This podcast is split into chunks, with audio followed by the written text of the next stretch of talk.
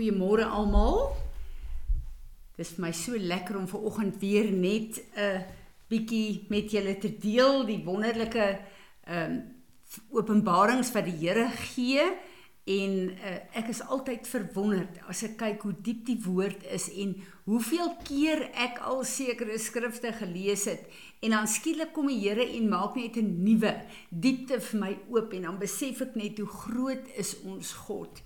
Daar is niks niks wat kan vergelyk word met die openbaringskennis van sy woord nie en hoe hy die openbarings in elke seisoen in ons lewe gebruik om ons voetstappe te rig om vir ons 'n dieper begrip te gee van wie hy is en wie hy ons geroep het om te wees.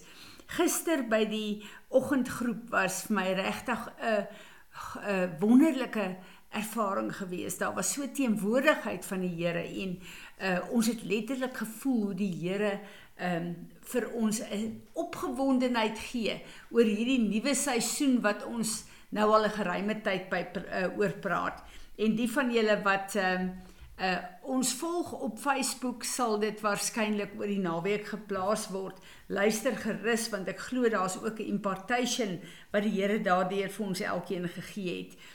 Ehm um, ons het die veral in die begin van die jaar praat ons altyd van 'n nuwe seisoen wat die Here het en dan is ons almal opgewonde en ons weet dit is waar, maar baie keer is ons half teleurgesteld na 'n ruk as ons besef dat ons wil graag ons het 'n ander verwagting gehad en die goed gebeur nie soos wat ons uh, regtig geglo dit moet gebeur nie. Nou gister het die Here met ons gepraat weer eens oor seisoenverandering en daar's so baie mense wat ek voorbid wat regtig in 'n seisoenverandering is. Seisoenverandering het soveel uh, verskillende betekenisse. Jy kan trek van een huis tot 'n ander. Jy kan trek van 'n dorp tot 'n ander dorp. Jy kan van werk verander. Jou besigheid kan miskien toemaak en 'n nuwe besigheid moet begin. Uh jy begin 'n nuwe lewe met uh, jou lewensmaat. Uh jy begin 'n nuwe uh, plek op universiteit in die skool. Ehm uh, daar's soveel nuwe seisoene wat 'n mens se lewe ehm um, beïnvloed en dan het ons almal as mense die die plek van dis ongemaklik want ons gaan sekere goed wat bekend is gaan ons agterlaat en ons gaan sekere goeders moet uh ons in ons lewe toelaat wat nie voorheen daar was nie.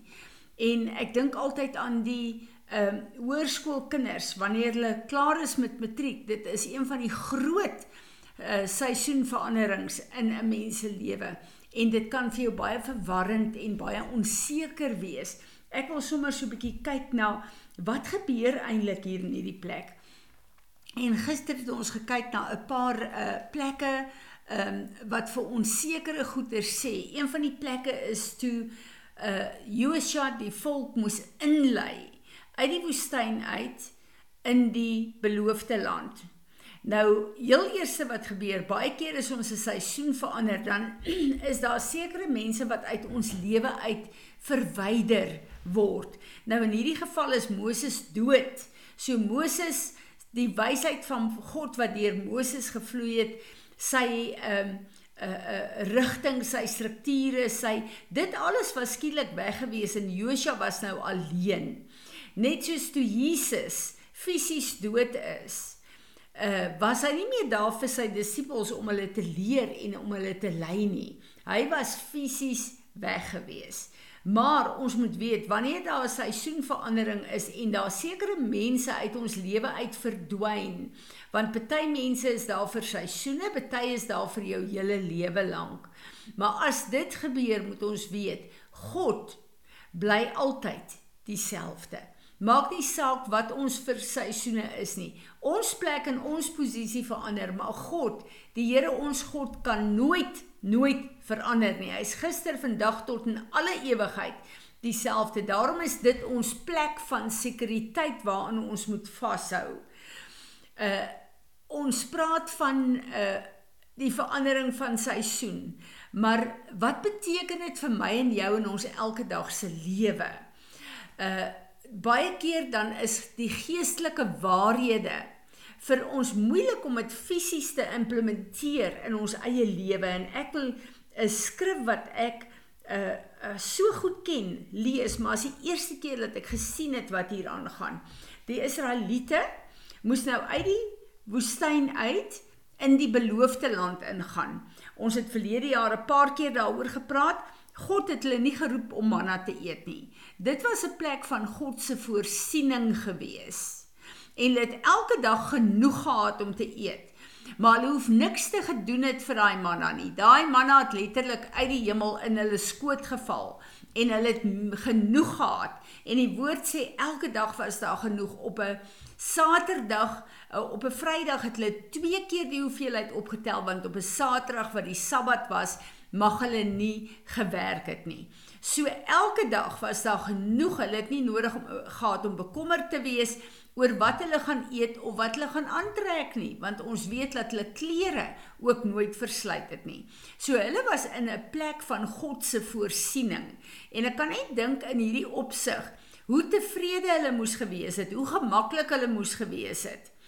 En op daardie plek ehm um, was daar 'n 'n 'n plek waar hulle geweet het elke dag hoe hulle rotine lyk, wat hulle moet doen hoe hulle moet oorleef en hulle was dink ek in 'n comfort zone gewees, 'n plek van gemaklikheid. Toe moet hulle nou oorgaan na 'n nuwe seisoen toe, want manna is nie hulle DNA nie. Melk en honing, God se beloftes is hulle DNA. En hierdie woestyn en die manna en die voorsiening wat hulle gekry het, het hulle op 'n plek gebring waar hulle niks hoef gedoen het vir hulle voorsiening nie want God het na alles gekyk. Nou kom ons lees hierdie gedeelte van Josua 5. Ehm um, dis my baie interessant dat uh, ek weet dat uh, Pessach elke jaar ook letterlik 'n uh, seisoenverandering op aarde is, 'n geestelike verandering. Nou hier staan in vers 10 and the Israelites encamped in Gilgal and they kept the Passover on the 14th day of the month at evening in the plains of Jericho. En dit voel vir my hier is 'n plek van voorbereiding wat ons het want ons is op pad na Pessach toe. Die 25ste April hierdie jaar gaan ons dit vier in die gemeente. So daar is 'n voorbereidingstyd.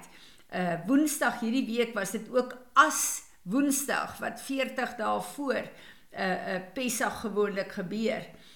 Uh verse 11 and the same day they ate the produce of the land unleavened cakes and parched grain die ander vertaling sê verskillende gebraaide graansoorte and the manna ceased on the day after they eat the produce of the land and the israelites had manna no more but they ate of the fruit of the land of Canaan that year.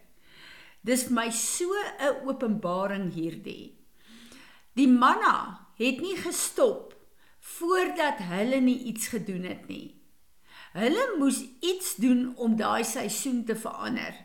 Hier sê, hulle het die kos van daardie land geëet. Onthou hulle het nou vir 40 jaar lank net manna geëet elke dag en nou moes hulle die kos van hierdie land eet.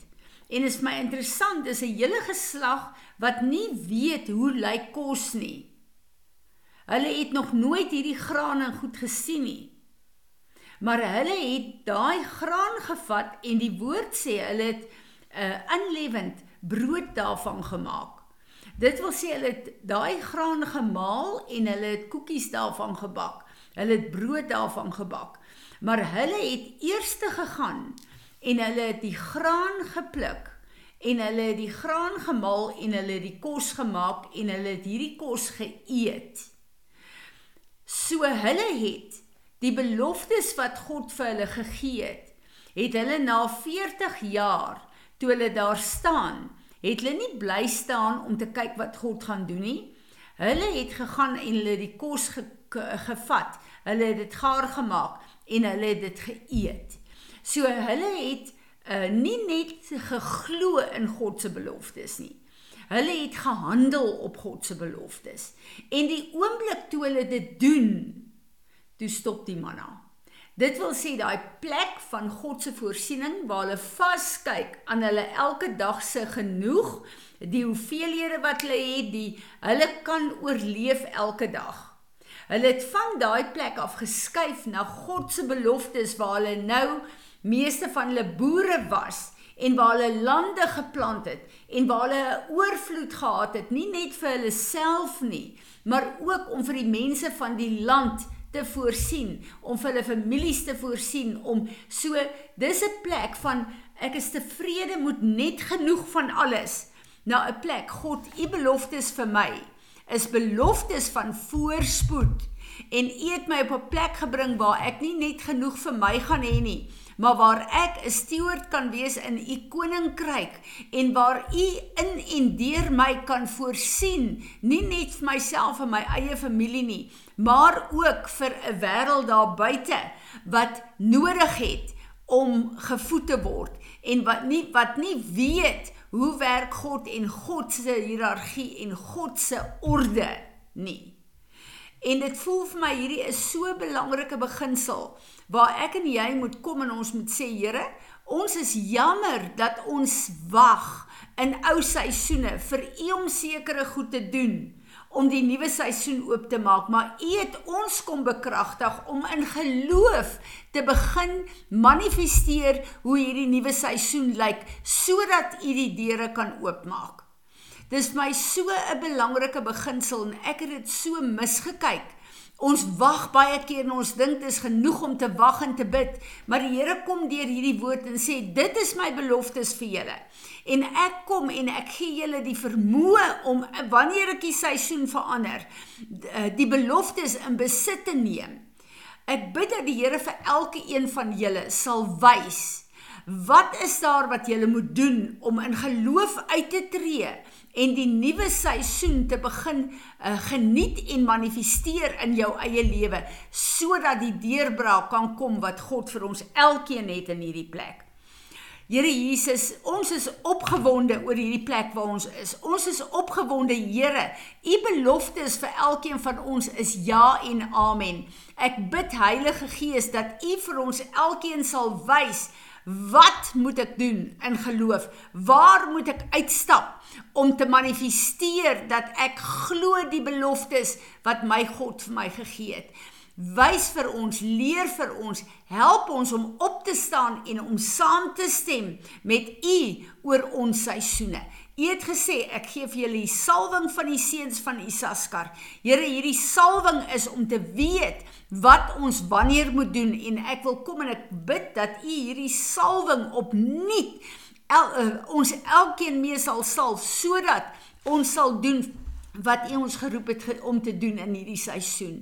Ons loof en ons prys en ons aanbid U. Amen.